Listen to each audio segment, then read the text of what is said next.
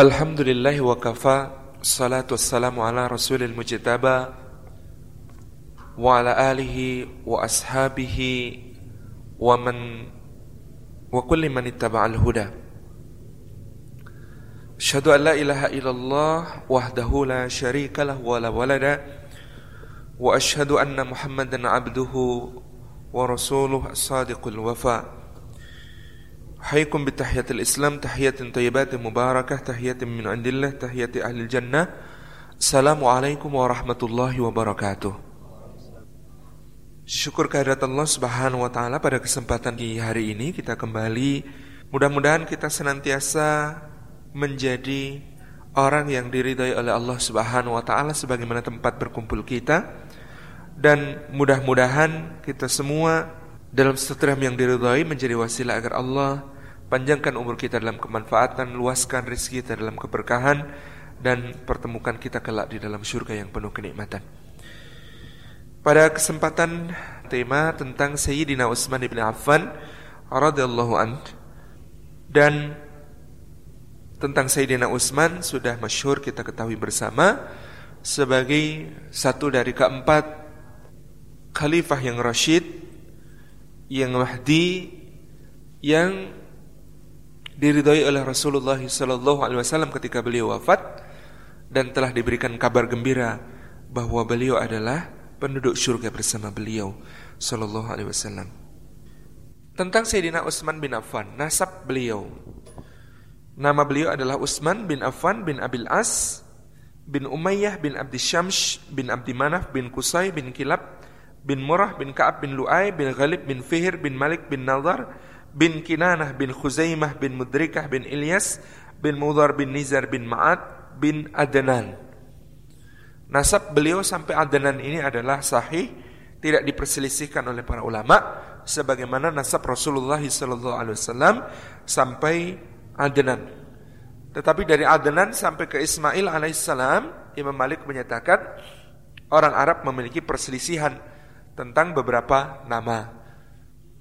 Sehingga jarang kemudian para ahli tarikh dan biografi yang menuliskan nasab dari Adnan sampai ke Ismail alaihissalam. Beliau dengan demikian bertemu nasab dengan Rasulullah sallallahu alaihi wasallam pada Abdi Manaf bin Kushoy dan beliau digolongkan sebagai Bani Umayyah diambil dari nama kakek buyut beliau yakni Umayyah bin Abdisyams. Kunyah beliau adalah Abu Amr atau Abu Abdullah dan karena beliau dari Bani Umayyah maka beliau dinisbat kepada Al-Umawi dari Bani Umayyah. Di antara lakop beliau atau gelar yang beliau sandang adalah Zun Nurain wal Hijratain. Zun Nurain pemilik dua cahaya wal Hijratain dan orang yang berhijrah dua kali. Zunnurain sebab beliau menikah dengan putri-putri Rasulullah SAW yang berjumlah dua orang. Yang pertama dengan Sayyidah Ruqayyah radhiyallahu anha hingga Sayyidah Ruqayyah meninggal pada bertepatan dengan waktu Ba'da perang Badar. Kemudian beliau dinikahkan oleh Rasulullah SAW dengan adik Sayyidah Ruqayyah ini Sayyidah Ummu Kulsum binti Rasulullah. Ibu beliau bernama Arwa binti Quraisy bin Rabi'ah bin Hubaib bin Abdi Syams. Sementara nenek beliau dari ayah bernama Ummu Hakim Bayda binti Abdul Muttalib, yakni bibi Rasulullah sallallahu alaihi wasallam. Jadi neneknya adalah bibi Rasulullah sallallahu alaihi wasallam. Beliau adalah salah satu dari sepuluh sahabat yang diberitakan masuk surga, satu dari enam anggota syura yang dipilih oleh Umar ibn Khattab, tiga kandidat khalifah yang dipilih oleh majelis syura dan akhirnya dipilih menjadi khalifah sesuai dengan kesepakatan kaum muhajirin dan ansar. Dan beliau adalah khalifah Rashid yang ketiga dan imam yang mahdi yang diperintahkan kita semua untuk mengikuti jejak mereka sebagaimana sabda Rasulullah. Ikutilah sunnahku dan sunnah khulafa ur-rasyidin al-mahdiin setelahku. Gigitlah dengan gigi geraham kalian tentang ciri-ciri dan akhlak beliau. Beliau Utsman bin Affan radhiyallahu anhu adalah seorang yang rupawan. Wajahnya lembut, kulitnya mempunyai jenggot yang lebat, berperawakan sedang, tulang persendiannya besar, bahunya bidang, rambutnya tebal, bentuk mulutnya bagus berwarna sawo matang dan dikatakan bahwa pada wajah beliau radhiyallahu anhu terdapat bekas-bekas cacar. Dari Az-Zuhri dikatakan bahwa Sayyidina Utsman bin Affan berwajah rupawan, memiliki bentuk mulut yang bagus, berbahu bidang, berdahi lebar dan mempunyai dua telapak kaki yang lebar. Akhlak beliau sangat mulia, beliau orang yang sangat pemalu, sangat dermawan dan terhormat, mendahulukan kebutuhan keluarga dan familinya dengan memberikan perhiasan dunia yang fana. Mungkin beliau bermaksud untuk mendorong mereka agar mendahulukan sesuatu yang kekal daripada sesuatu yang fana sebagaimana telah dilakukan Rasulullah SAW terkadang beliau memberikan harta kepada satu kaum dan tidak memberi kaum yang lain karena khawatir mereka akan dimasukkan oleh Allah ke dalam neraka. Sebagian kaum telah keberatan kepada beliau karena perlakuan tersebut sebagaimana yang telah dilakukan oleh orang-orang Khawarij terhadap Rasulullah SAW pada pembagian harta rampasan perang di dalam peristiwa Hunain. Imam Ahmad meriwayatkan telah mengatakan kepada kami Ismail bin Ibrahim ia berkata telah mengatakan kepada kami Yunus bin Ubaid dan dia berkata telah mengatakan kepadaku Atta bin Farrah maula Quraisyin bahwa Utsman bin Affan menjual sebidang tanah kepada seorang hanya saja orang itu terlambat menerimanya. Ketika beliau bertemu dengannya, beliau menanyakan sebabnya. Apa yang menyebabkan kamu terlambat menerima hartamu? Dia menjawab, engkau telah menipuku. Setiap aku bertemu dengan orang, dia menyesalkan pembelian tanah tersebut. Maka beliau berkata, apa hanya itu yang membuatmu terlambat? Dia menjawab, benar. Lalu beliau pun berkata, kamu boleh pilih apakah kamu meminta uang itu kembali atau mengambil tanah itu. Kemudian Atta mengatakan, Rasulullah bersabda, Adkhalallahu al-jannata rajulan kana sahlan mushtariyan wa ba'ian wa qadiyan wa. Allah akan memasukkan ke dalam surga seorang laki-laki yang dia itu mudah di dalam menjual, mudah di dalam membeli, mudah dalam menghukum dan mudah dalam dihukum. Jadi kalau ada orang gitu ya, itu kata Rasulullah SAW, mudah dalam menjual, mudah dalam membeli, enteng-entengan saja, tidak ngotot, tidak kemudian berakal-akalan. Wakalian juga mudah dalam menghukum. Maksudnya mudah dalam menghukum adalah adilnya, cerdasnya, dan juga kemudian sesuai dan menyelesaikan perkara dengan kepuasan semua pihak. Wa muktadian dan juga mudah dihukum. Kalau kemudian menerima hukuman dia tidak banyak protesnya. Tidak banyak bicaranya, tidak banyak ributnya. Karena kadang-kadang bisa saja kalaupun adalah sebuah keterfitnahan, dia itu adalah kabulnya doa-doa kita. Pernah dengar ya cerita orang yang berdoa? Ada orang zaman dahulu kata Ibnu Athaillah As-Sakandari dalam Al-Hikam berdoa kepada Allah Subhanahu wa taala, "Ya Allah, dia ini seorang abid, ahli ibadah, ya Allah, jadikan aku menjadi seorang yang lebih tekun beribadah kepadamu dengan cara apa? dengan cara berikan kepadaku rizki setiap hari segelas susu dan dua potong roti yang tidak perlu aku bekerja untuk mendapatkannya. Jadi dia memohon kepada Allah Subhanahu wa taala supaya apa?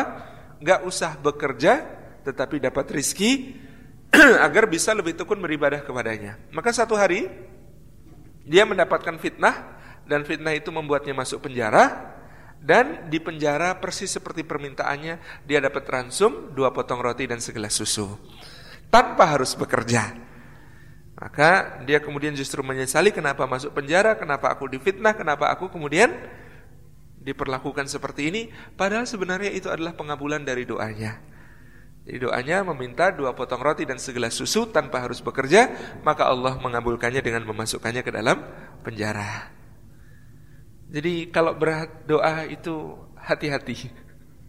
Kadang-kadang doa yang baik pun pengabulannya tidak menyenangkan. Maka harus siap dengan apa yang Allah kabulkan terkait doa-doa kita. Ada kawan itu berdoa, Ya Allah karuniakan kepadaku rizki yang berkah saja. Apa yang terjadi sesudah itu? Mobilnya hilang. Terus modalnya dibawa lari kawan bisnis dan seterusnya dan seterusnya. Banyak sekali musibah hartanya. Maka kemudian dia menyadari oh iya saya kan minta rizki yang barokah. Makanya yang tidak barokah dibersihkan sama Allah Subhanahu wa taala. Ini sesuatu yang memang demikianlah Allah mengabulkan doa. Diriwatkan dari Ibnu Jarir At-Tabari. Dari Talhah bin Ubaidillah radhiyallahu anhu Talha datang menemui Utsman bin Affan dan mengatakan di luar masjid uang 50 ribu yang dulu kami pinjam 50 ribu wallahu alam mungkin maksudnya dirham. Uang 50 ribu dirham yang dulu saya pinjam sekarang sudah ada. Tolong kirim salah satu anak buahmu untuk mengambilnya ke rumahku. Ini yang dikatakan Talha. Di utangnya serem-serem juga ya. 50 ribu dirham itu sekarang satu dirhamnya 60 ribu. Jadi 60 ribu kali 50 ribu. 3 miliar. Jadi Utsman pernah meminjamkan kepada Talha bin Ubaidillah itu 3 miliar. 60 kali 50 ribu dirham. Kirim utusan untuk mengambilnya. Karena 60 ribu dirham itu kan berat ya.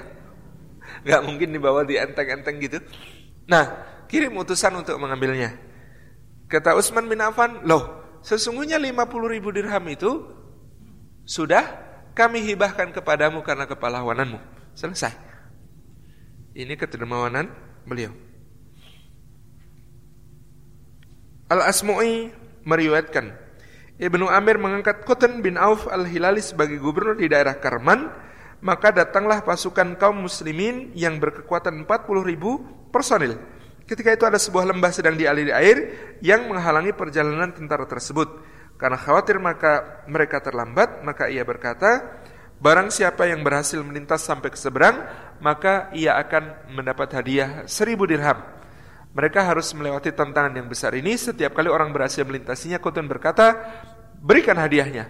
Hingga sebanyak semua pasukan berhasil melintasi aliran air tersebut dan total hadiah yang diberikan adalah 4 juta dirham yang kemudian dia mengirim surat kepada Utsman bin Affan maka beliau menjawab berikanlah uangnya karena ia telah membantu kaum muslimin yang sedang berada di jalan Allah. Maka hadiah itu dinamakan dengan nama hadiah penyeberangan lembah. 4 juta dirham. Kalikan 60 ribu, hitung sendiri. Itu yang diberikan oleh Utsman bin Affan kepada pasukan yang dipimpin oleh Kuten bin Auf Al-Hilali. Utsman bin Affan masuk Islam melalui dakwah yang disampaikan oleh Sayyidina Abu Bakar As-Siddiq radhiyallahu anhu. Beliau adalah orang pertama dalam rombongan pertama yang hijrah ke Habasyah bersama istri beliau yakni Ruqayyah binti Rasulullah lalu kembali ke Makkah ketika mendengar penduduk Makkah masuk Islam tapi ternyata itu adalah berita yang keliru karena itu adalah terkait dengan peristiwa Garanik.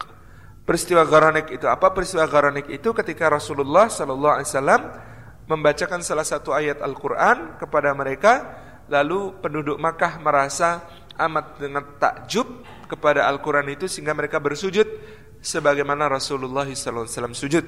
Nah, Peristiwa itu dinamakan peristiwa Gharanik karena kemudian ketika mereka menyadari dan tersadar dari keterpesonaannya terhadap bacaan Al-Quran dan sujud mereka, lalu mereka mengatakan Gharanik itu yang kami sujudi tadi bukan Tuhannya Muhammad, tetapi Gharanik. Gharanik itu siapa? Gharanik itu nama Tuhan baru yang mereka ciptakan. Kata mereka Gharanik baru saja melintas di langit dan kami bersujud kepada dia bukan bersujud sebagaimana sujudnya Muhammad bahkan Muhammad itu sujud sebagaimana kami sujud kepada Goronik yang lewat di langit nah ternyata orang-orang Quraisy memanfaatkan isu itu untuk memberitahu orang-orang di Habasyah bahwa penduduk Makkah masuk Islam agar mereka mau pulang. Maka Sayyidina Utsman bin Affan beserta Ruqayyah istrinya pun pulang ke Makkah dan menjelang kota Makkah baru mereka tahu bahwa ternyata berita itu tidak benar. Lalu karena mereka sudah terlanjur mereka tetap kembali ke Makkah. Dan ketika ada perintah hijrah ke Madinah ke Yasrib maka Sayyidina Utsman dan istrinya Ruqayyah adalah juga orang-orang yang pertama-tama untuk berangkat ke Madinah. Pada waktu perang Badar Sayyidina Utsman bin Affan tidak bisa ikut perang Badar karena diminta oleh Rasulullah SAW untuk menjaga istrinya yakni Ruqayyah yang sedang sakit.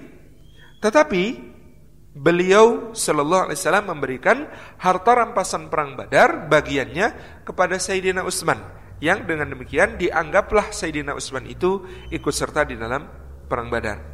Nantinya di masa pemerintahan beliau ada orang yang menghina Sayyidina Utsman dengan kata-kata engkau ini tidak ikut perang Badar, engkau ini orang yang kemudian tidak ikut atur ridwan dan engkau ini orang yang lari di perang Hunain.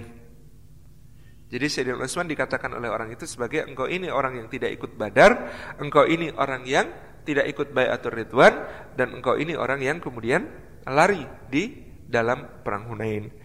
Kata Utsman bin Affan, adapun tentang perang Badar, maka memang aku tidak ikut tetapi dianggap ikut sebab Aku menjaga putri Rasulullah SAW yang sedang sakit. Lalu beliau setelah pulang dari perang Badar memberikan rampasan perangnya kepadaku. Adapun tentang Bayatul Ridwan, bagaimana mungkin aku akan ikut sementara Bayatul Ridwan itu untuk aku? Karena Bayatul Ridwan itu terjadi ketika Sayyidina Utsman diutus Rasulullah ke Makkah dan datanglah berita bahwa Sirina Utsman dibunuh. Lalu Rasulullah dalam bayatul ridwan itu mengatakan ini adalah tangan Utsman. Mari berbaiat kepadaku untuk Utsman. Maka bagaimana aku ikut? Aku kan sedang ditahan di Makkah oleh orang-orang Quraisy. Dan yang ketiga tentang perang Hunain aku memang lari tetapi bukankah Allah telah mengampuni kami? Kalau Allah sudah mengampuni kami, mengapa engkau mengungkit-ungkit lagi wahai saudaraku? Jadi ini tentang Sayyidina Utsman bin Affan. Ketika istri beliau Ruqayyah meninggal, Rasulullah menikahkan dengan adiknya yang bernama Ummu Kulsum yang juga meninggal ketika menjadi istri beliau. Beliau ikut dalam perang Uhud, perang Khandaq, Hudaybiyah dan juga Khaybar Tabuk dan beliau memberikan kepada Utsman satu kepemimpinan dalam beberapa kali sariyah. Adapun juga dalam Jaisul Usrah Utsman bin Affan memberikan bekal dan unta kendaraan beserta perlengkapannya untuk 3000 orang. Dalam Jaisul Usrah yakni perang Tabuk, ketika orang-orang datang kepada Rasulullah SAW, mereka ingin sekali ikut perang Tabuk tetapi tidak bisa berangkat karena tidak memiliki bekal, maka Sayyidina Utsman mengeluarkan hartanya untuk memberikan bekal kepada 300 eh 3000 orang ini yang berupa kendaraan juga makanan, pakaian dan semua kelengkapannya. Maka Rasulullah SAW mendoakan kebaikan untuk Sayyidina Utsman bin Affan. Dari Abdullah bin Samurah pada satu hari Utsman bin Affan datang membawa seribu dinar. Seribu dinar. Seribu kalikan 2,1 juta berarti 2,1 miliar. Di hadapan Rasulullah SAW kemudian diletakkan dan Rasulullah pun mendoakan Utsman dengan kata-kata demi Allah tidak ada dosa bagi Utsman setelah hari ini. Kemudian juga tentang sumur Raumah. Sayyidina Utsman bin Affan ketika sampai di Madinah, maka beliau melihat kaum muslimin harus bersusah payah membeli sumur membeli air untuk keperluan sehari-harinya di sebuah sumur di dekat kampung beliau yang bernama Sumur Raumah. Sumur Raumah ini dimiliki oleh seorang Yahudi yang Yahudi ini amat sangat kikir di dalam bagi dan dia menjual airnya dengan harga yang sangat mahal. Maka Sayyidina Utsman satu hari mendatanginya dan mengatakan, "Bolehkah bolehkah aku beli sumurmu itu?" Kata orang Yahudi itu rupanya juragannya Quraisy mau berbisnis air juga. Iya kata Sayyidina Utsman aku memang ingin berbisnis air. Wah kalau begitu eh, aku mau jual berapa harga yang kau tawar gitu ya. Nah, Sayyidina Utsman berapa harga yang kau inginkan? Orang itu mengatakan aku mau menjual tapi tidak semua. Akan kujual separuh saja dari sumur itu. Bagaimana caranya jual separuh? Nantinya kita bagi hari-hari itu menjadi satu untukmu dan satu untukku. Jadi belilah separuh harganya 12 ribu dirham 12 ribu dirham untuk apa? Caranya nanti sehari jatahku, sehari jatahmu. Pada hari aku harus mendapatkan jatah, aku akan menjual airnya. Pada hari kau mendapatkan jatah, kau boleh menjual airnya. Kata Utsman, aku setuju. Ini 12 ribu dirham dibeli oleh Sayyidina Utsman. Maka pada hari giliran Sayyidina Utsman bin Affan, dia memanggil seluruh penduduk yang biasa untuk mendapatkan air di sana, membeli air di sana dan mereka diberitahu oleh Sayyidina Utsman, ambillah oleh kalian air untuk keperluan dua hari gratis. Jadi penduduk kemudian mengambil air untuk keperluan dua hari gratis. Pagi hari berikutnya, si Yahudi ini jualan air, tidak laku seharian. Kenapa? Karena kemudian Sayyidina Utsman telah meminta orang-orang untuk mengambil air dalam keperluan dua hari. Maka kata dia, kau menipuku. Tidak, kata Sayyidina Utsman. Siapa yang menipu? Kau bilang jatahnya sehari dan jatahmu sehari. Itu seperti apa yang kau katakan, aku tidak mengakali apa pun. Itu Ah, terserahlah. Yang jelas sekarang ku jual semua sumur ini. Ayo bayar. Tapi tidak 12 ribu. Berapa? 8 ribu saja. Bagaimana? Baiklah daripada aku tidak dapat apa pun. Akhirnya dibayar oleh Sayyidina Utsman ditambah 8 ribu dirham sehingga total harga sumur itu adalah 20 ribu dirham. Maka Rasulullah SAW mengatakan tidak ada bahaya bagi Utsman setelah apa yang dilakukannya hari ini. Kemudian satu peristiwa lagi terjadi ketika pada satu waktu Madinah dilanda kelangkaan bahan pangan. Kelangkaan bahan pangan ini amat sangat menyiksa karena harga bahan pokok menjadi amat sangat tingginya. Tepat pada saat itulah kafilah dagang Sayyidina Utsman berkekuatan 700 ekor unta beban datang ke Madinah. Suaranya sampai menggetarkan bumi. Ada 700 unta pengangkut bahan yang kemudian datang ke Madinah. Maka di gudang Sayyidina Utsman antrilah para juragan Madinah untuk mendapatkan barang dagangan itu karena bisa dijual dengan harga sangat tinggi di Madinah. Ada tengkulak yang menawar, "Hai Utsman, ku beli dua kali lipat. Berapa kau beli di Syam, aku bayar dua kali lipatnya." Kata Usman, waduh sudah ada yang menawar lebih tinggi daripada itu. Kemudian juragan yang lain mengatakan, saya dua kali lipat, saya bayar, saya bayar tiga kali lipat. Berapa kau beli di Syam, akan saya bayar tiga kali lipat dengan uang saya. Kata Sayyidina Mas, waduh maaf, sudah ada yang lebih tinggi daripada itu. Kata yang lain lagi, empat kali lipat, saya bayar empat kali lipat. Kalau kau mau menjualnya kepadaku. Kata Sayyidina Utsman, tidak, ada yang lebih tinggi daripada itu. Lalu ada yang mengatakan, Hai Usman gila kau. Ini mentok ini, lima kali lipat. Saya bayar kalau kau memang mau menjualnya. Lima kali lipat, saya bayar semua barang daganganmu ini. Kata Sayyidina Utsman, mohon maaf, sudah ada yang lebih tinggi daripada itu menawar kepadaku. Siapa? Allah Subhanahu wa taala kata Utsman, maka seluruh barang dagangan yang datang 700 ekor unta beserta muatannya itu disedekahkan untuk penduduk Madinah tepung-tepungnya untuk masakan, buah-buahannya untuk juga dibagikan, sementara untanya juga disembelih untuk bahan pangan seluruh penduduk Madinah. Ini yang dilakukan oleh Sayyidina Utsman.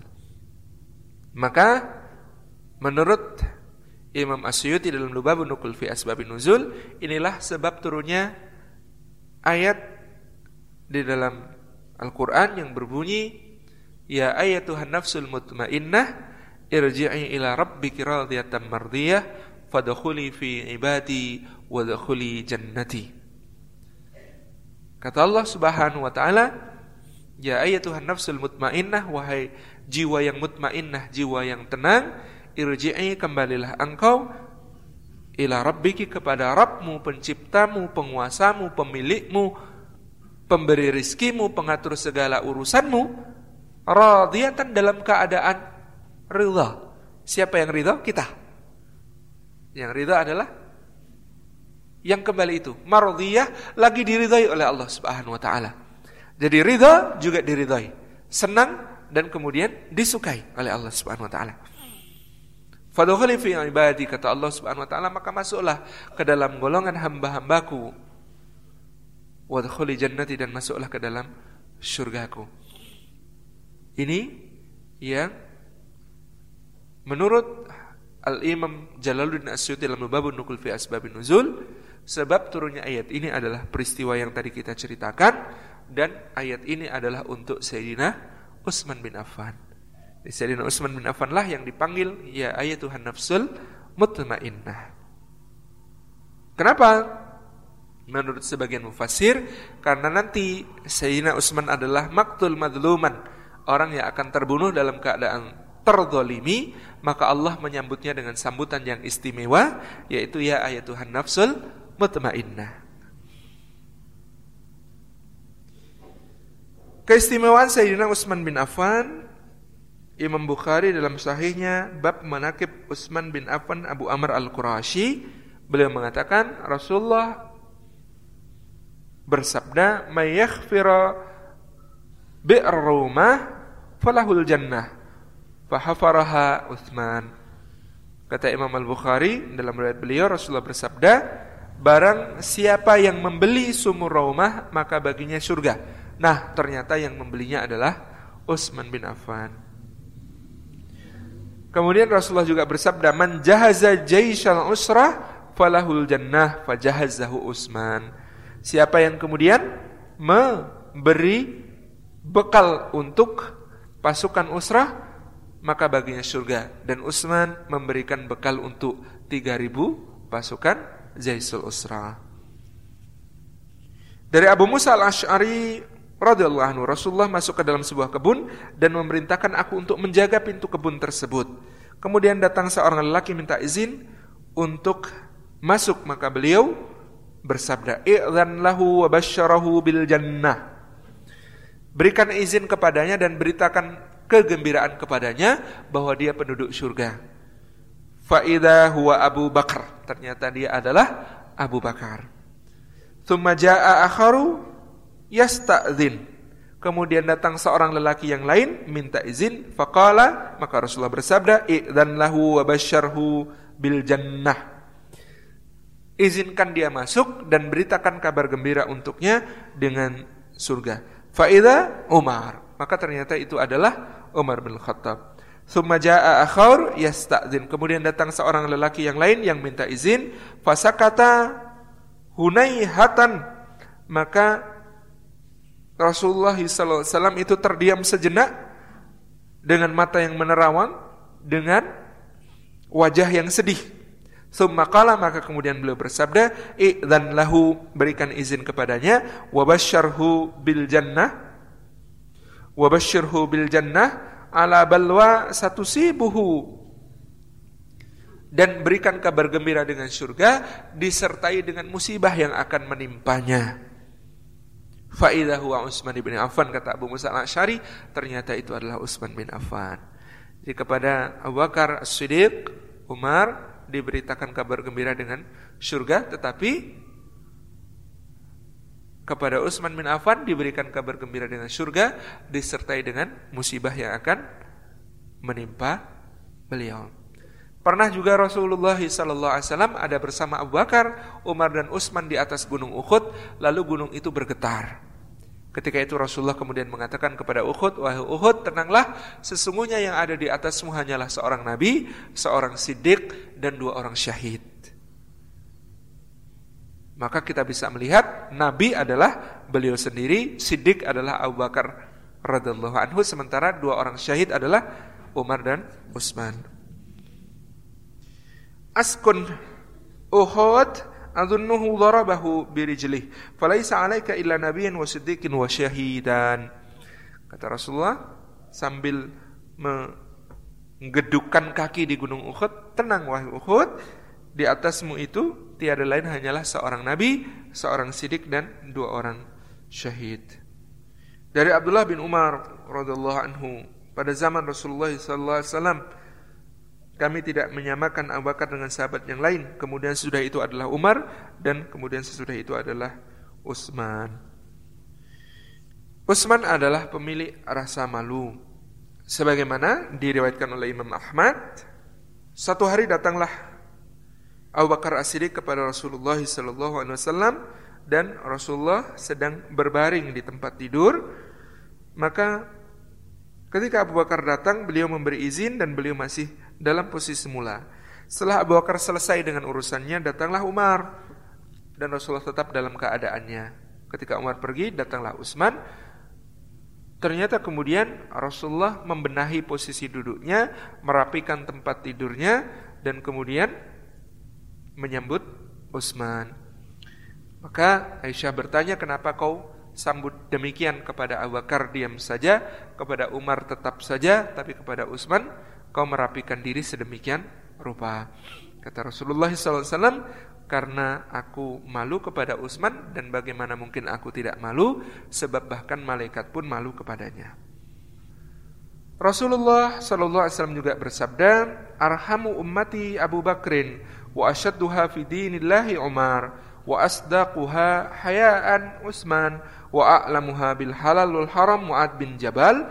Wa aqra'uha li kitabillah Ubay Ubay bin Ka'ab. Wa a'lamuha bil fara'id Zaid bin Sabit. Wa ummatin amin. Abu Ubaidah bin al-Jarrah. Arhamu ummati orang yang paling penyayang di kalangan umatku Abu Bakrin adalah Abu Bakar wa asyadduha fi dinillah dan orang yang paling keras dalam menjaga agama Allah Subhanahu wa taala adalah Umar wa asdaquha hayaan dan yang paling baik paling jujur paling indah dalam rasa malunya adalah Utsman. Wa a'lamu bil halal wal haram dan yang paling mengetahui soal halal dan haram adalah Mu'ad bin Jabal. Wa aqra'uha li kitabillah dan orang yang paling memahami kitab Allah adalah Ubay bin Ka'ab. Wa a'lamuha bil faraid dan orang yang paling ngerti ilmu waris dan matematika adalah Zaid bin Sabit. Dan setiap umat memiliki amin, orang kepercayaan umat wa aminu hadhil ummah dan amin atau kepercayaan umat ini adalah Abu Ubaidah bin Al-Jarrah.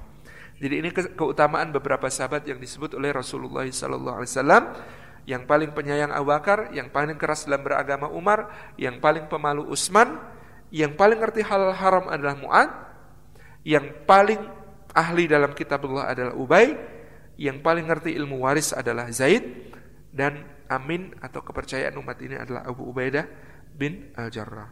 Sufyan bin Ya'qub meriwayatkan dari Muad bin Jabal radhiyallahu anhu Rasulullah bersabda, "Inni ra'aitu anni wudi'tu fi kaffatin wa ummati fi kaffatin fa'adaltuha." Thumma wudi'a Abu Bakrin fi kaffatin wa ummati fi kaffatin fa'adalaha.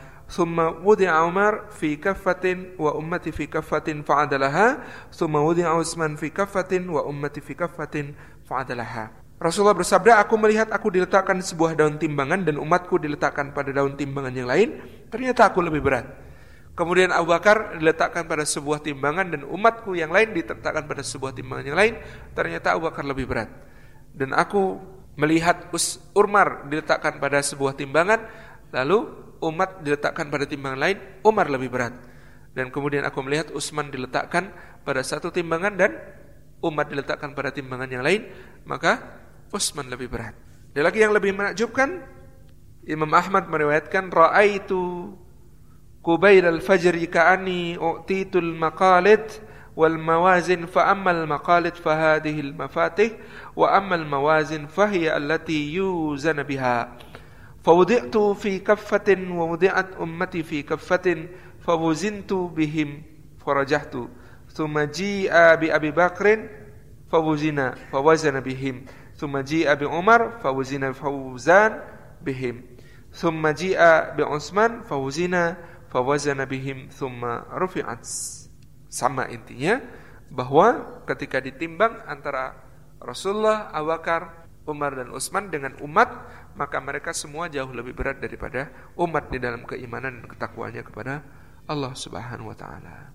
Rasulullah juga telah berwasiat kepada Utsman bin Affan "Ya Utsman, innallaha asa ayyul bisaka qamisan fa in aradaka almunafiqun ala khal'ihi fala takhla'hu hatta talqani salasan."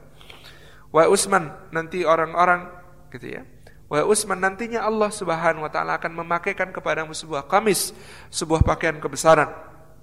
Kalau kemudian orang-orang munafik ingin agar kamu melepasnya, maka janganlah kamu lepaskan sampai kamu bertemu denganku, sampai kamu bertemu denganku, sampai kamu bertemu denganku. Jadi bahwa Utsman nantinya akan terbunuh dalam keadaan terzalimi dan dituntut untuk mundur, Rasulullah sudah memberi wasiat kepada Utsman jangan mau melepaskan, jangan mau mundur gitu ya. Karena itu adalah apa yang diamanahkan oleh Allah kepadamu. Mereka akan memakaikan gamis, mereka eh, Allah Subhanahu wa taala yang akan memakaikan gamis kepadamu lalu orang-orang munafik yang ingin agar kamu melepasnya dan Rasulullah bersabda, jangan dilepas sampai kamu bertemu dengan aku. Komis, baju yang lengannya lebar, ini namanya komis. Kok dalam bahasa Indonesia bisa jadi gamis? Nah, kita ikut dialek Yaman. Dialek Yaman itu kofnya jadi gaf. Nah, kalau ada kawan namanya Asegaf belakangnya gitu ya. Itu kan nama salah satu keluarga Ba'alawi. Asegaf itu aslinya as-saqaf gitu. Kita ikut dialek Yaman kemudian menyebutnya as-sagaf gitu ya. Kayaknya orang Yaman kalau ketemu orang Mesir bingung.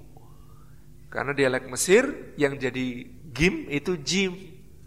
Dialek Yaman yang jadi gaf itu qaf gitu ya.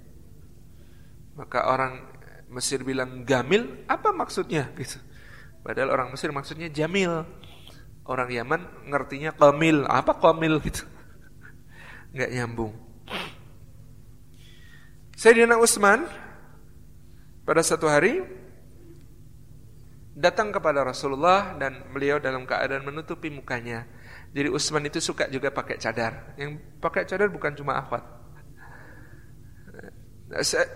Imam Syafi'i rahimahullah taala bahkan memfatwakan wajib juga memakai cadar bagi laki-laki yang tampan.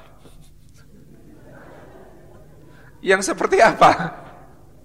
yang bisa bikin wanita ngiris jari nggak terasa itu memang pakai pakai cadar gitu ya sebaiknya. Gitu.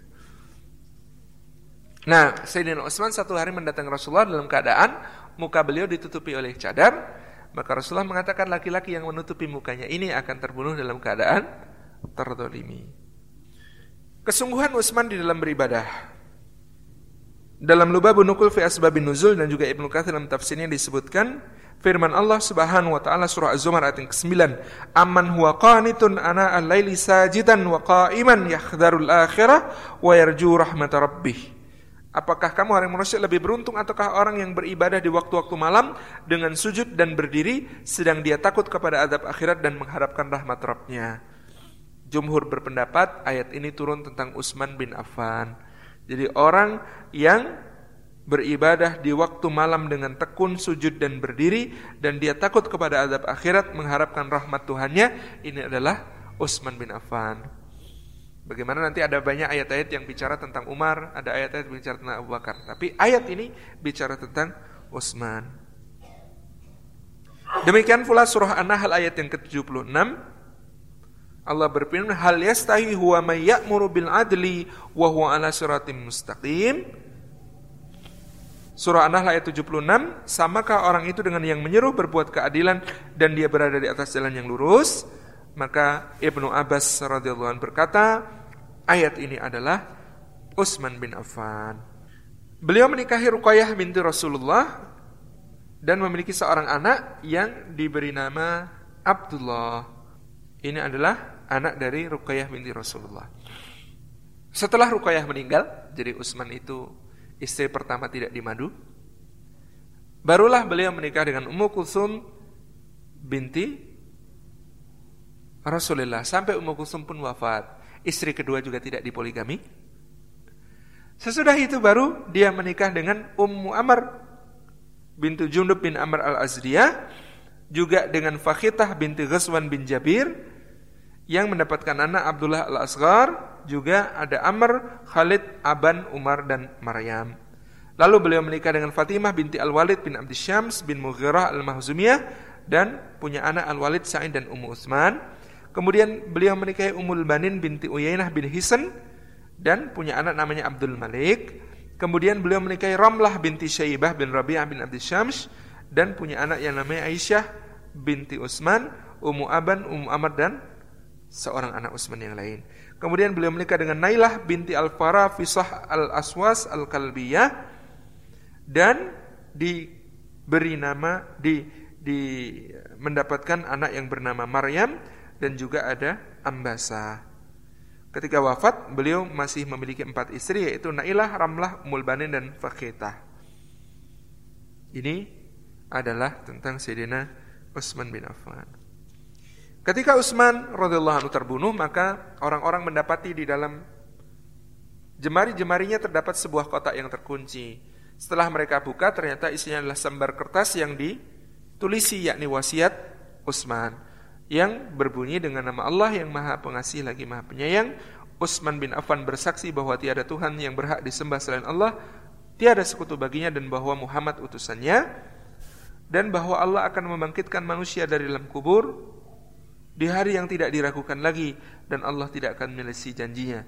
Di atasnya manusia hidup dan di atasnya pula manusia mati dan di atasnya juga akan dibangkitkan kembali insyaallah.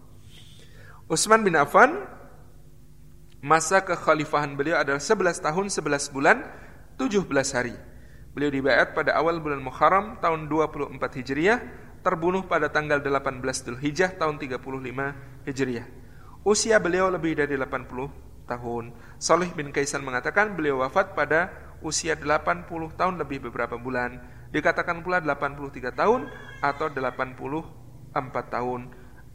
Qatadah mengatakan beliau meninggal pada usia 88 tahun atau 90 tahun. Ini ikhtilaf tentang umur Sayyidina Utsman, maka kita bisa menebak Sayyidina Utsman ini seumur dengan Rasulullah SAW dan Abu Bakar As-Siddiq.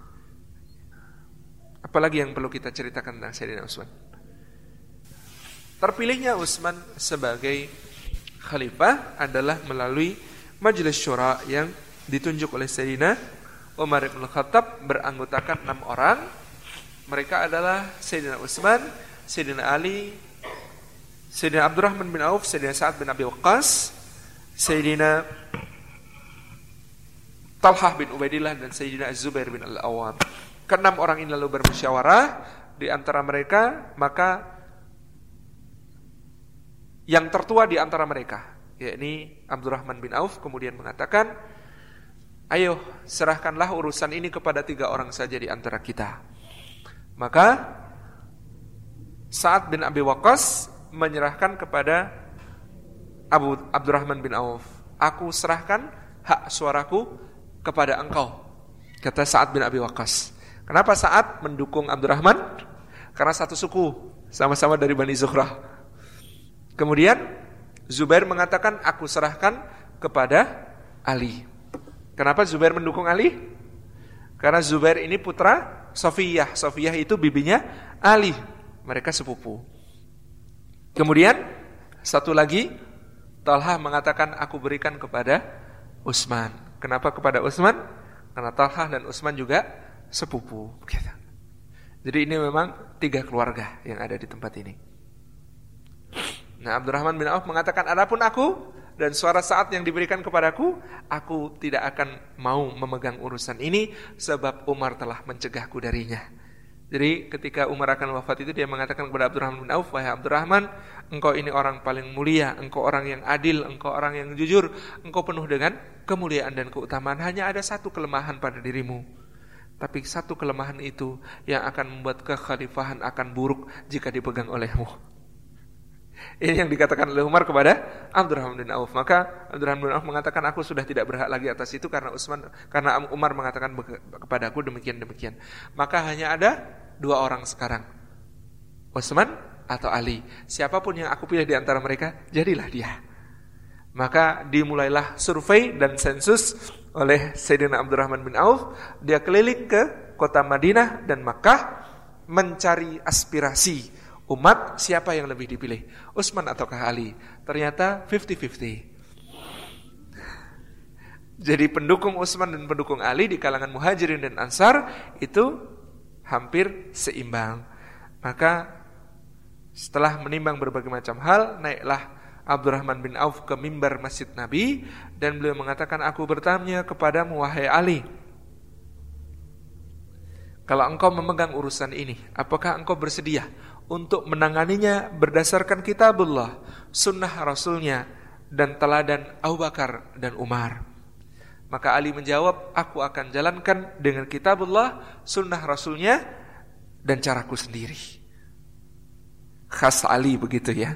Enteng saja. Maka kemudian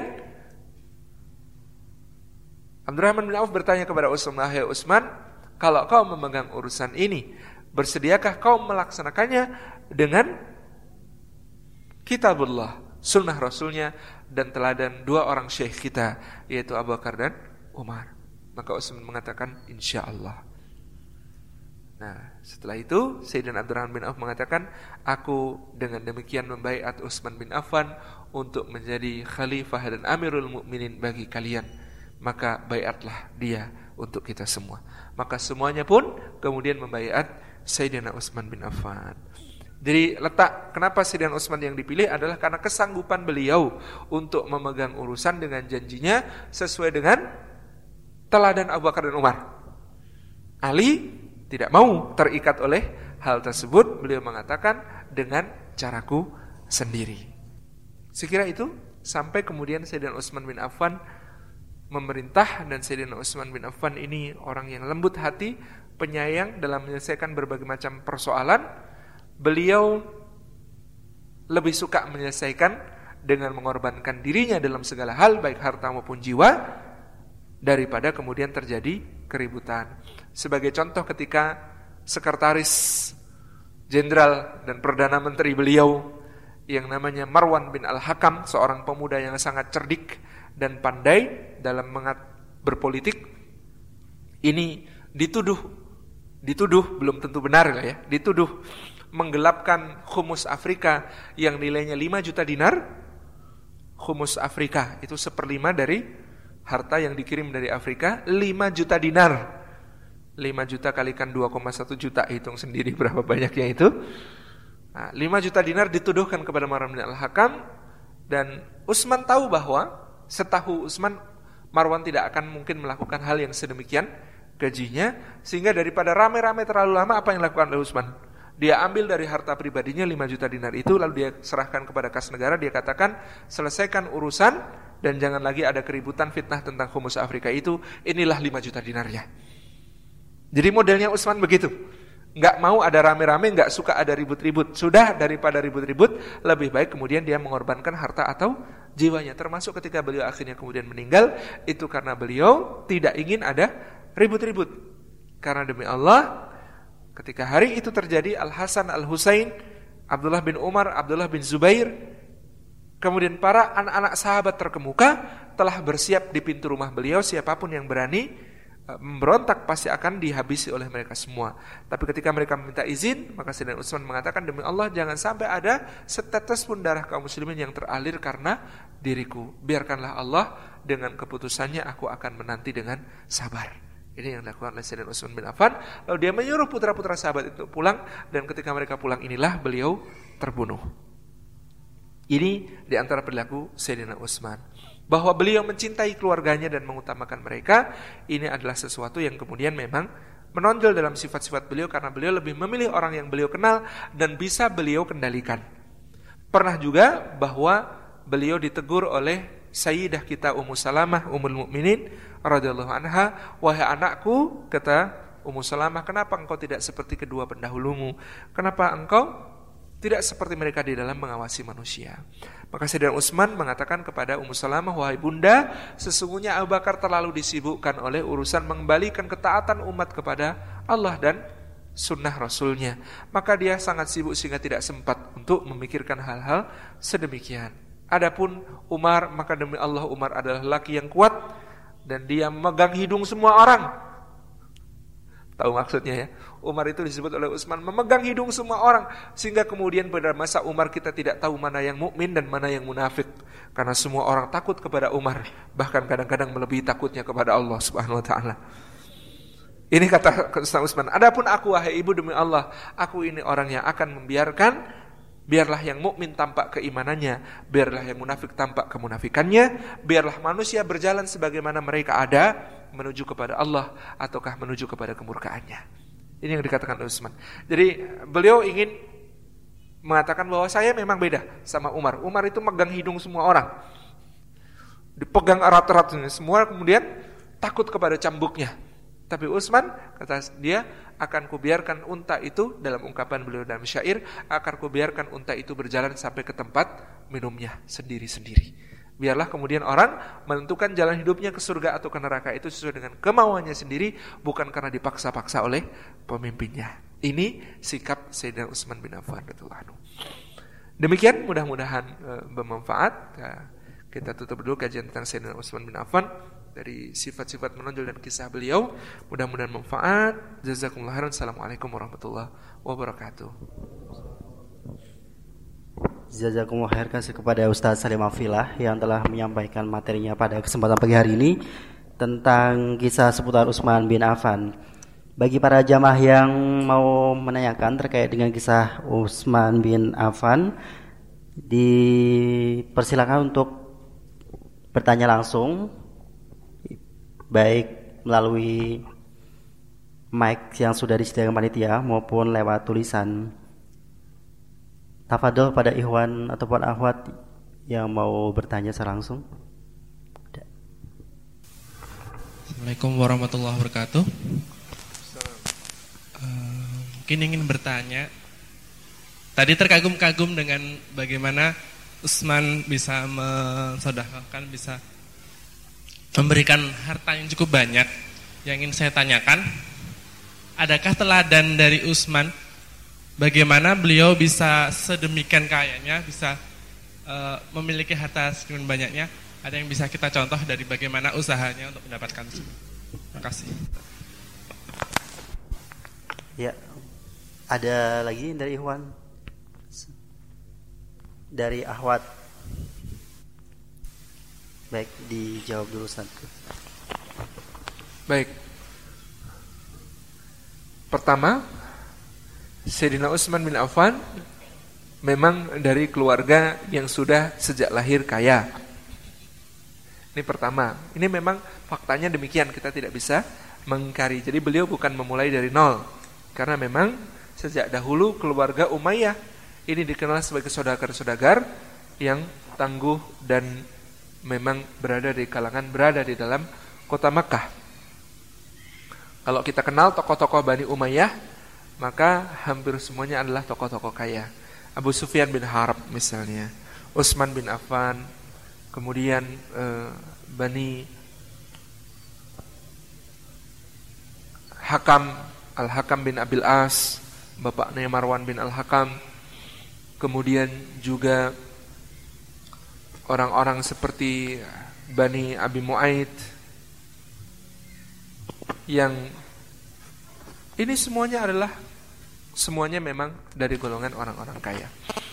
Kemudian Utsman sendiri adalah orang yang dalam dagangnya dipercaya oleh orang lain. Sehingga beliau bukan cuma menjalankan bisnisnya sendiri dari modalnya sendiri tetapi juga banyak modal orang Quraisy itu diberikan kepada beliau Sampai-sampai ada ungkapan bagaimana disayangnya Sayyidina Utsman bin Affan itu sehingga ada syair kalau orang menimang anak itu di kalangan Quraisy sampai nanti sampai hari ini aku menyayangimu seperti Quraisy menyayangi Utsman. Ini karena memang Utsman memang adalah orang kesayangan. Di bagaimana kemudian Utsman berasal dari memang keluarga berada dan Utsman bin Affan radhiyallahu anhu yang berasal dari kalangan keluarga berada ini juga orang yang amat sangat tekun di dalam berbisnis, sangat gigih di dalam berusaha, amat sangat besar di dalam mengarahkan segala kemampuannya untuk berbagai macam perdagangan. Dan ini uh, yang uh, ada pada diri Sayyidina Utsman. Bisnisnya apa? Dagang, jelas. Dan kafilah dagang Utsman itu biasanya tidak kecil, uh, yang pernah disedekahkan 700 ekor unta dan dikatakan kafilah dagang Utsman selalu terdiri dari minimal 500 ekor unta dan pernah juga sampai 3000 ekor unta. Jadi 3000 ekor unta dengan penuh muatan gitu ya. Itu kira-kira berapa truk kalau sekarang ya. berapa kontainer begitu. Itu yang uh, ada pada diri Sidin Utsman bin Affan. Tapi pun demikian dalam penampilan Sayyidina Utsman bin Affan ini orang yang berusaha keras agar bisa meladani para pendahulunya dari kalangan Khulafaur Rasyidin al-Mahdiyin. Betapapun kayanya, betapapun hidup nyamannya, betapapun kemudian Ya Umar tidak pernah memaksa Sayyidina Utsman untuk hidup sebagaimana beliau hidup. Setelah hari misalnya ada cerita. Utsman itu kan punya tanah pertanian lalu. Di Madinah dia juga membeli tanah-tanah pertanian. Di tanah pertanian di luar kota Madinah itu, satu hari di seberangnya ada padang gitu ya. Kemudian ada orang tinggi besar, gagah gitu ya, itu jalan sambil menutupi mukanya dengan pasir gitu ya. Utsman sedang istirahat di dangonya di sebuah gubuk yang tinggi gitu ya, bertiang di tempat itulah Utsman sedang beristirahat ketika itu sedang terjadi menjelang badai pasir yang sangat keras. Nah, ketika dia melihat keluar, loh, itu Amirul Mukminin, itu Sayyidina Umar bin Khattab yang sedang di luar itu. Maka Utsman manggil, "Hai Amirul Mukminin, ada apa dengan dirimu? Datanglah kemari, badai pasirnya mengganas, naiklah."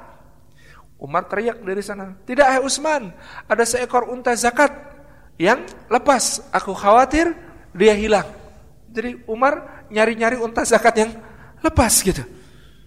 Amirul Mukminin ini presiden gitu. Maka kata Utsman, Demi Allah ya Amirul Mukminin, kemarilah akan kusuruh salah satu budakku untuk mencarinya untukmu. Kata Umar bin Khattab, tidak Utsman masuklah engkau. Badainya badainya akan datang, badai pasirnya mengganas. Masuklah, aku yang akan mencarinya karena demi Allah akulah yang akan ditanya. Nah, ini Umar kita. Ini Utsman. Kemudian Utsman benar-benar masuk dan kemudian dia memuji Umar dengan mengatakan demi Allah engkau memang orang yang kuat dan perkasa. Demi Allah akan repotlah orang yang menjadi penggantimu. Jadi ungkapannya selalu begitu. Umar pun ketika melihat dulu perilaku Abu Bakar dia mengatakan demi Allah dia menyusahkan penggantinya. Umar pun mengatakan begitu dan Umar pun benar-benar susah menjadi penggantinya Abu Bakar. Dia melaksanakan segala yang Kemudian dia contoh dari Abu Bakar Siddiq. Dan begitu Utsman melihat bagaimana Sayyidina Umar memperlakukan berlaku begitu, Umar pun tidak pernah memaksa Umar Utsman ke sini gitu. Enggak. Tetapi kemudian beliau uh, Sayyidina Utsman menguji Sayyidina Umar demikian. Nah, nantinya Sayyidina Utsman juga mencoba untuk berperilaku sebagaimana Sayyidina Umar dan Sayyidina Abu Bakar Siddiq ditengarai dengan salah satunya adalah di antara yang dilakukan Sayyidina Utsman, Anas bin Malik mengisahkan satu hari aku datang ke masjid, Utsman bin Affan sedang berkhutbah di member Masjid Nabi dan dia memakai baju yang ketika itu kuhitung dari sorban sampai ke bagian kakinya celananya tambalannya tidak kurang dari 32 buah. Ini bajunya Sayyidina Utsman itu dari sorban sampai ke bawah kalau dihitung-hitung total tambalannya sekitar 32 buah. Nah, ini perilaku Sayyidina Utsman yang kemudian dia ingin coba untuk meladani para pendahulunya. Nah, saya kira agak berat untuk melihat secara detail bagaimana Sayyidina Utsman mendapatkan kekayaan yang sedemikian luar biasa karena tadi modalnya sejak awal memang sudah besar gitu ya. Ini berbeda dengan Sayyidina Abdurrahman bin Auf. Ini berbeda dengan Sayyidina Abdurrahman bin Auf. Kita melihat ada perbedaan di antara kedua sahabat ini. Nah, kalau Sayyidina Abdurrahman bin Auf memang orang yang sangat wira, usahawan yang amat sangat-sangat cerdik di dalam hal itu. Tetapi kalau Sayyidina Utsman ini memang sejak awal modalnya besar itu saja gitu.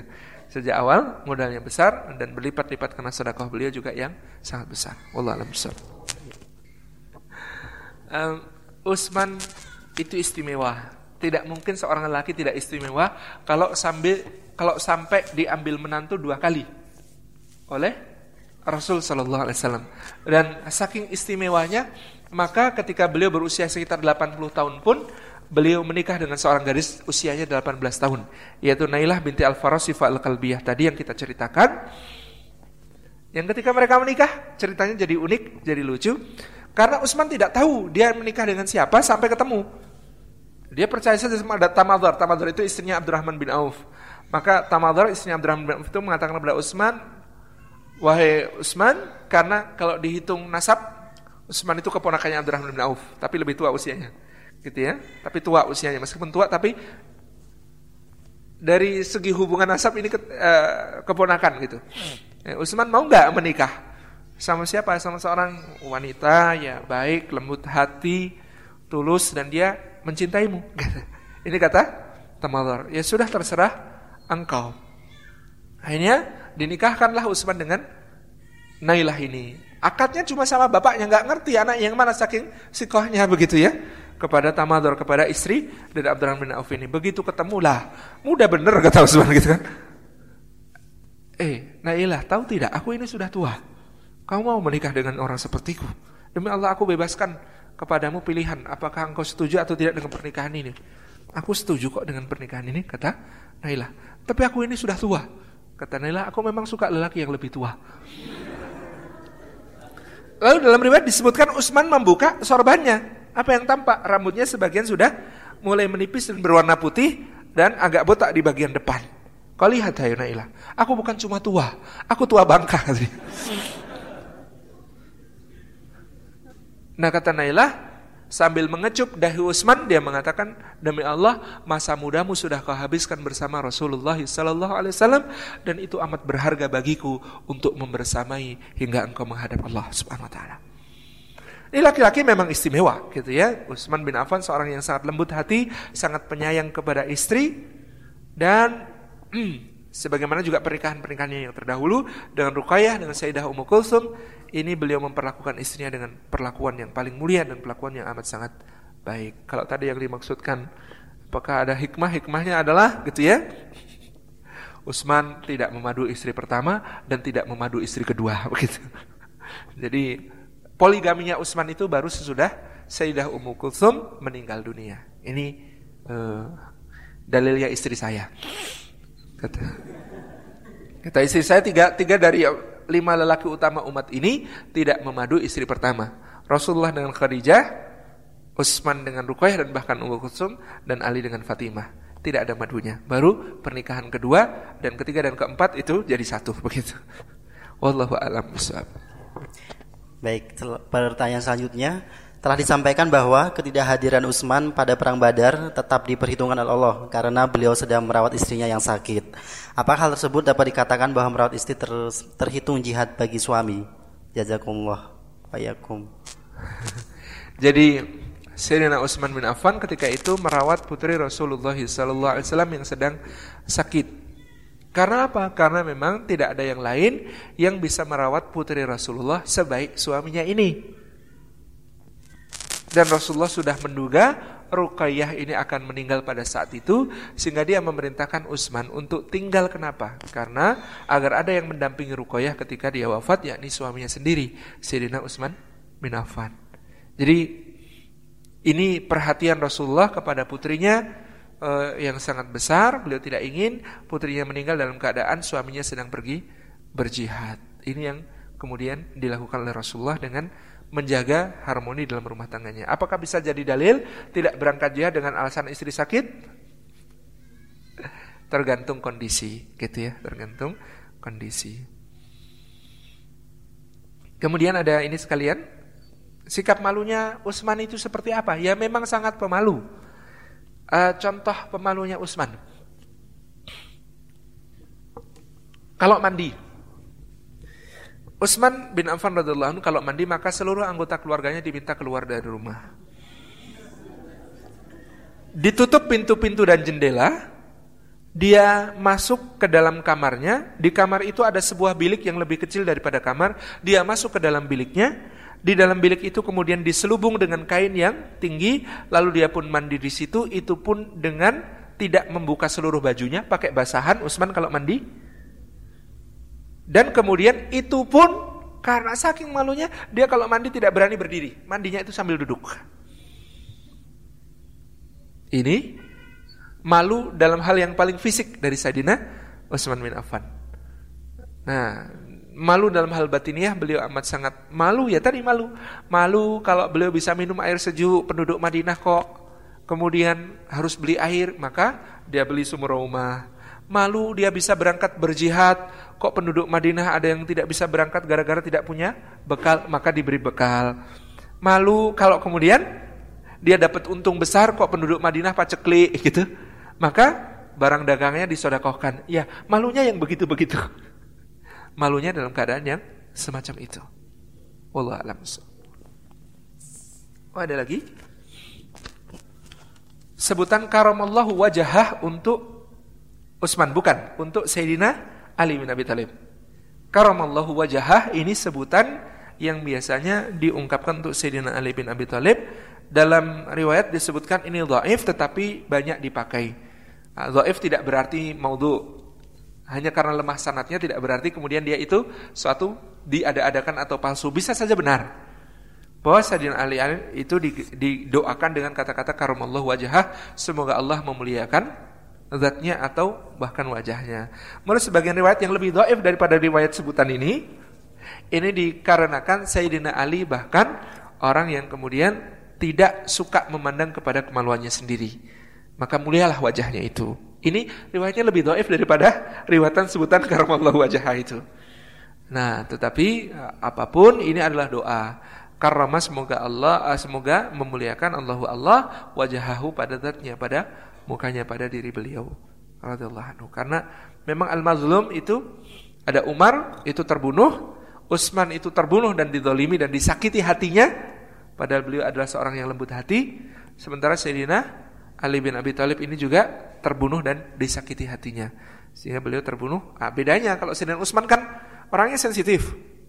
Maka sakit hatinya itu akan terasa sangat besar gitu ya karena Sayyidina Utsman tidak boleh minum, mereka nggak ingat apa dulu aku yang membeli sumur rumah untuk penduduk Madinah. Gitu ya. Mereka membunuhku dengan alasan apa? Gitu.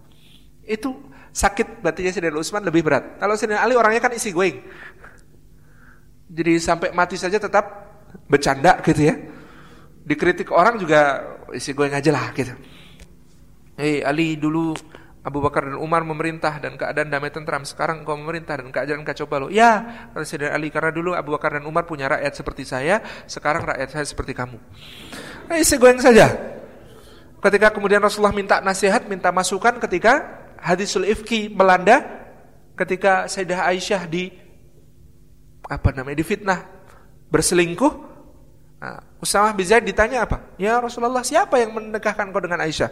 Kata Rasulullah, Allah. Ya kalau Allah yang menikahkan, tidak mungkin Allah menipu. Aisyah itu pasti adalah istrimu dunia akhirat sampai ke surga. Pasti, tidak diragukan lagi. Jadi Aisyah pasti bersih dan suci dari semua tuduhan itu. Ini yang dikatakan oleh Usamah. Tapi Ali lihat wajahnya Rasulullah kok tetap neku gitu. gitu. Jadi perlu disegarkan kan?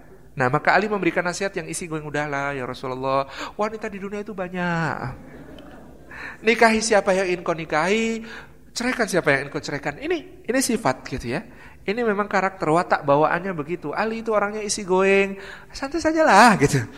Tetapi kemudian Sayyidina Utsman itu serius banget. Apa-apa yang kemudian uh, Kalimat itu sangat sensitif kepada beliau. Seperti ketika uh, Abu Dhar al-Ghifari menolak sedekah beliau Menolak hadiah beliau dihadiahi seribu dinar dikembalikan dan budaknya dimarahi gitu ya. Dengan kata-kata karena budaknya itu dipesenin nanti kalau Abu Dar mau menerima kamu bebas karena Allah. Kata Abu Dar demi Allah teman tidak akan kubiarkan kau bebas dari perbudakan Utsman ganti aku yang jadi budaknya. Pulang kamu sana gitu. Nah itu dilaporkan kepada Sayyidina Utsman. Kan Utsman coba bayangkan karena kata-kata Abu Dar itu dia sakit tiga hari tiga malam. Memang orangnya sensitif memang orangnya lembut peka hati gitu Nah, makanya ini yang kemudian ada pada diri beliau. Wallahu a'lam bishawab gitu ya. Oh ya. Apa ini? Salah satu cara saya belajar sejarah lewat kajian-kajian. Tapi saya sering mengalami kesulitan karena terlalu cepat waktu bisa kami hadirkan. Jazakumullah khairan.